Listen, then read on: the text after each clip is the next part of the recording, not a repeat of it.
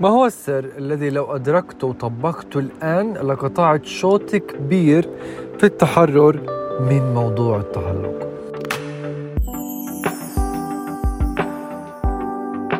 أهلا وسهلا فيك في برنامجنا رحلة التشافي. معي أنا محمد شلبي.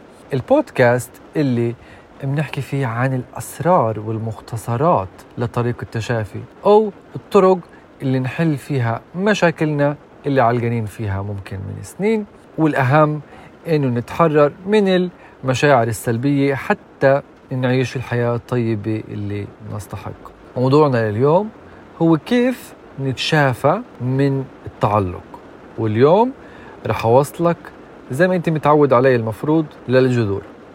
نبدأ بتعريف شو التعلق أصلا؟ هو اعتماد مادي فكري مشاعري ولربما طاقي على شخص آخر. تركيزنا اليوم تركيزنا اليوم هو على الاعتماد المشاعري لأنه هاي هي نقطة الضعف الموجودة حاليا عند أغلب البشر اللي أصلا بتعلقوا منها بالأشخاص. ممكن يكون التعلق على عدة أصعدة من اللي أنا حكيتها ولكن هو في الغالب في الغالب في الغالب بالأساس مشاعري. طيب هات ناخذ مثال. ممكن في شخص بيشعرك بالقبول وانت بالعمق متعود انك ما بتتقبل نفسك. مشان هيك ممكن تعلق أنا بحب أسميها وتتعلق فيه لهذا الشخص بس بسبب إنه بيعطيك هذا الشعور. ممكن يكون في أمثلة كثير ثانية. أنا أعطيت بس مثال على شعور واحد عميق يخليك بشكل لا واعي ممكن واعي تعلق بشخص معين. ممكن التعلق كمان يكون من طرفين. يعني ممكن الشخص بيعطيك شعور بالقبول وانت عندك شح بهذا الشعور. ممكن انت تعطيه الاهتمام وهو يكون عنده شح بالاهتمام. فانتوا اثنين متعلقين بس بمشاعر مختلفة. خليني أشرح لك ليش بحدث التعلق أصلا. الجذر الأساسي اللي حكينا عنه بكيف نتشافى من العائلة السامة هو جذر لأغلب مشاكل البشر لأنه البشر هذا هو تركيزهم الحالي هذا هو نقطة ضعفهم بالوعي الجمعي حاليا. أغلب مشاكل البشر جاي بسبب نقص وعي مشاعري. من شأن هيك لما البشر بتعلموا عن الشعور لو أي شخص تعلم عن الشعور فهموا أكثر.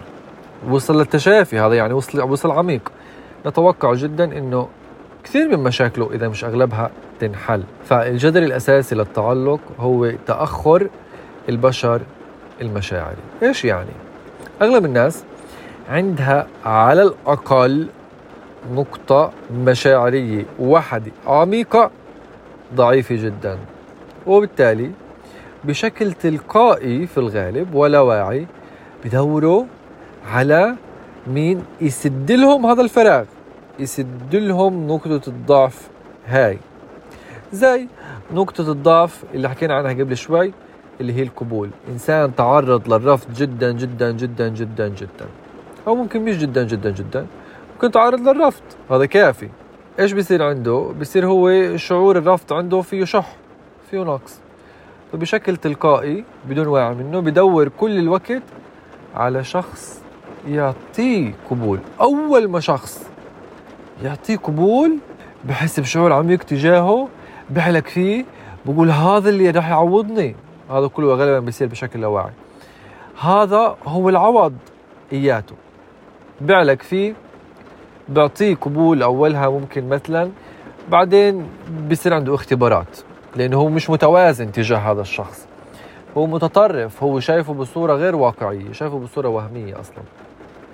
أغلب الناس تربت ببيئة على الأقل داعمة لحدوث التعلق لنفس السبب بسبب تاخر البشر مشاعريا. فاهل وأجداد ووعي جمعي ضعيف مشاعريا. بيجي على بيجي الطفل أغلب آه، خزاناته المشاعرية أغلب المشاعر اللي هو المفروض يأخذها يا إنها ما أخذها شوي بشكل يعني مش بشكل كافي أو كانت ما أخذهاش بالمرة عنده شح فيها أو أو مضروبة. فكل هذا هو يعني الجذر اللي المفروض أنت بتعود عليه إذا أنت سمعت الحلقات اللي قبل اللي هو تاخر البشر. المشاعري ادى لبيئة غير داعي مشاعريا. فواحده من النتائج لهذا التأخر هو العقل السامي واحدة من النتائج لهذا التأخر هو التعلقات. أغلب البشر بمروا بأنماط تعلق وبجروها كل حياتهم. هات نشوف أنواع هاي الأنماط. النمط الأول هو نمط شخص بقوده فكره بقوده جسده الفكري. إيش يعني؟ هذا الشخص شاطر فكريا. فكثير صعب أو خلينا نقول صعب إنه يتعلق. ليه؟ لأنه مشاعره تقريبا مش مفعلة محتفظ فيها مع نفسه تمام؟ بقوده أفكاره. فصعب يفوت عميق مع حدا لأنه كل وقت بشغل آه، بشغل مخه وبعرف وين يدعس بريك في الغالب. بيعرف وين فبتلاقيه بتراجع فجأة بغيب آه، أسبوع بعد ما كان يحكي مع الشخص كل يوم فجأة آه، لأنه مشغول بعالم الأفكار. بس هذا الشخص لو علق في الغالب سيعلق يصدم جدا لأنه هو إنسان مش مجرد من المشاعر. الجسد الفكري أصلا مش المفروض هو اللي يكون مش المفروض هو اللي يقودك مش هذا الترتيب الأمثل لحياة طيبة. بس الحياة خيارات إذا أنت بدك تختار هيك. بس هو مش الترتيب الأمثل وأنا بحكي من واقع تجريبي. بالتالي هذا الشخص لما بيعلق بيستغرب بيقول أنا؟ أنا؟ كيف أعلق؟ أنا؟ مش المفروض ولا عمرها صارت شو اللي صار؟ فهذا الشخص بيستغرب كثير لما يعلق لأنه أصلا هذا الشخص مهمل للشعور تقريبا بالحياة. مهمل للشعور وهو وهو في الغالب لا يعلم ذلك. ولأنه مهمل للشعور بضل يلف يلف يلف بالجسد الفكري بس بالآخر يعني الأشياء اللي جوا حسب قانون الانعكاس رح تطلع رح تطلع ورح رح يعلق شي مرة بقصة التعلق ويبين هذا الضعف المشاعري لأنه أي شيء موجود جواتنا آه، سيظهر نفسه بطريقة أو في أخرى. وإذا أنت بدك تفهم أكثر هاي النقطة أدعوك لأنك تحضر هايلايت آه، قانون الانعكاس عندي على الإنستغرام الرابط موجود بالوصف هون وقريبا بإذن الله رح يصح لنا نحكي عنه بعمق أكثر. النمط الآخر هو شخص بيقوده جسده المشاعري وعارف عارف إنه بيعلق بسرعة. عارف. هذا الشخص مشاعره في الغالب فيها سلبية كثير بس هو عايشها مش زي الجسد الفكري. الجسد الفكري يا إنه مخدرها لهاي المشاعر لأنه عملها فريز لأنه بهرب منها فهذا الشخص مختلف. هذا الشخص لا بعيش مشاعره السلبية كل يوم وتعبان منها ممكن يدور على حلول. وهذا الشخص أقرب للتشافي صراحة. ليه؟ لأنه إيه، ما عنده مقاومة الجسد الفكري لا. هذا الشخص إذا قرر يتشافى بقدر يتفاعل مع الشعور أكثر فبقدر يغوص عميق بسرعة أكثر. اللي عنده القائد الجسد الفكري لا محتاج أول إشي يحل المقاومة تبعت الجسد الفكري أولا ثم يفوت بالعمق المشاعري لأنه لأنه يسمح له الجسد الفكري إنه هو يبطل قائد ويعطي القيادة للجسد المشاعري. وعلى فكرة خليني أقول لك إشي. إيه هذا الوقت بيختلف من شخص لشخص. أنا شخصيا كان عندي قيادة الجزء الفكري. لاني أنا تربيت ببيئة كثير بتقدر الفكر وكنت شاطر بالمدرسة فكثير كنت مشتغل على الجزء الفكري. بالتالي آه، كنت أنا عالق بالجزء الفكري. وكان هو اللي يقودني. وبالتالي آه، ما كانش سهل علي بالأول إني أغوص بعالم المشاعر فكان عنده مقاومة آه، ولكن ما دام انت عندك النية والاستمرارية بتكمل بتكمل بتقدر تكمل وبتقدر تصل للعمق. السرعة بتختلف على حسب كثير عوامل. واحدة منها من أساسها يعني هي عمر الروح واحدة من الأشياء الأساسية. وإذا أنت حابب تتعمق بعمر الروح إذا أنت أول مرة بتسمع هذا المصطلح أو سمعته بس حابب تعرف عنه أكثر بنصحك تروح على التليجرام في تسجيلات عن خمس أنواع عمر الروح عن الخمس أعمار جدا راح يفيدوك وهذا مش إشي ثانوي لأنه عمر الروح هي شيء بيأثر عليك كل يوم صراحة. زي ما فكرة عمر الجسد في فرق كبير بين إنت يكون عمرك 20 سنة حياتك مختلفة طريقتك بالحياة مختلفة أسلوب حياتك مختلف أو يكون عمرك 40 سنة. فبالتالي كمان عمر الروح بفرق كثير إذا كانت عمر روحك طفلة ولا شابة ولا ناضجة. تفاصيل أكثر موجودة بالتليجرام. بالتالي الشخص اللي بقود الجسد الفكري ممكن يتأثر بعمر الروح على حسب قديش ينتقل للمشاعري ويقدر يغوص. وكمان إذا بكون في حدا يساعده. إذا أنت لحالك وقاعد تشتغل مع الجسد الفكري أنت بعدك قاعد تتعلم. ف بدك الخطوة بدك تمشي خطوة بخطوة لحالك. طبعا أسرع كثير إنه يكون حدا مخلص الطريق. معك ويختصر يختصر عليك الطريق.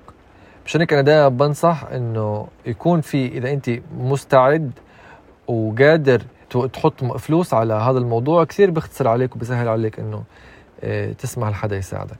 خليني أقول لك سر. كل الناس في الغالب متعلقة. من الآخر. بس. لأنه كل الناس مت... أغلب الناس متأخرين مشاعريا. إذا أنت ما اشتغلتش على شعورك بشكل واعي وعميق وقوي وما حصلكاش تحولات. فأنا أتوقع إنه يعني أنت ما لا وضعك وسط لا أنت متأخر لأنه الحياة كافية مع الوعي الموجود الآن إنه آه تكون متأخر مشاعريا صراحة. وحكيت حكيت شو الحل آه بعمق أكثر بكيف نتشافى من العائل السامي والتسلسل رح أجيك رح أجيك الحل. أنا ما رح أشرك بدون خطة عمل. أغلب الناس بتعلق في علاقة فيها تعلق بس في عندنا ثلاث احتمالات لأنه بتكون العلاقة سالكة. يعني أنا بعطيك اهتمام أنت بتعطيني قبول واثنين قاعد بنعطيها بأريحية بحب فبتمشي العلاقة فيش مشاكل. ممكن إنه يكون في تخبطات. يعني شهر تكون الأمور سالكة وأعطيك وتعطيني فجأة يصير مشاكل وأنت تكتشف إنك متعلق وبعدين ترجع العلاقة تمشي عادي. وتضلكوا هيك. ممكن في ناس بتضل هيك كل العمر في أشخاص علقانين بعلاقة سامة. هذول يعني ممكن كانت أول شهر بالعلاقة جيدة بعدين جروها خمس سنين ولا أبصر كم من شهر. بحاولوا يرجعوا العلاقة كيف ما كانت ومش ظابط مش ظابط مش ظابط مش ظابط. والعلاقة والعلاقات السامة هي أنواع. واحدة منها هي العلاقة مع النرجسي. وهي هي أنواع صراحة بس آه، هي أكثر نوع مؤلم.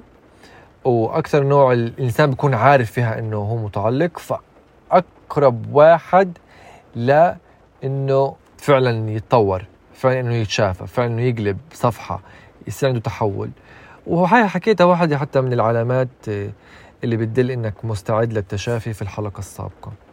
كثير مرات ممكن يتنقل بيناتهم. يعني ممكن شخص تكون العلاقة تبعته ماشية وهو متعلق فجأة يصير فيها تخبطات بعد شهر تصير سامة بعدين يرجع تكون العلاقة ماشية. هذا بيصير هذا بيصير. يعني إحنا مش بس ممكن يكون بنمط واحد. طيب نصل للختام اللي هو كيف تحل التعلق. أختصر لك إياها إنك تعبي الخزان. إنك أنت الخزان هذا أصعب واحد فيهن اللي أنت علقان فيه على سبيل المثال ممكن يكون القبول. وأنت رح تعرف. هقول لك كيف ممكن تعرف الخزان تبعك. المضروب اللي هو قاعد بيجيك أكثر منه يجي دروس في التعلق.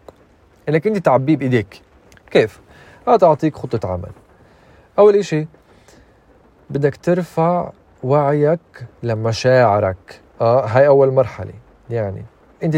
تتصل بشعورك أكثر. تعرف أنا الآن شو حاسس؟ إيش الشعور اللي بقودني؟ إيش المشاكل اللي عندي الشعورية؟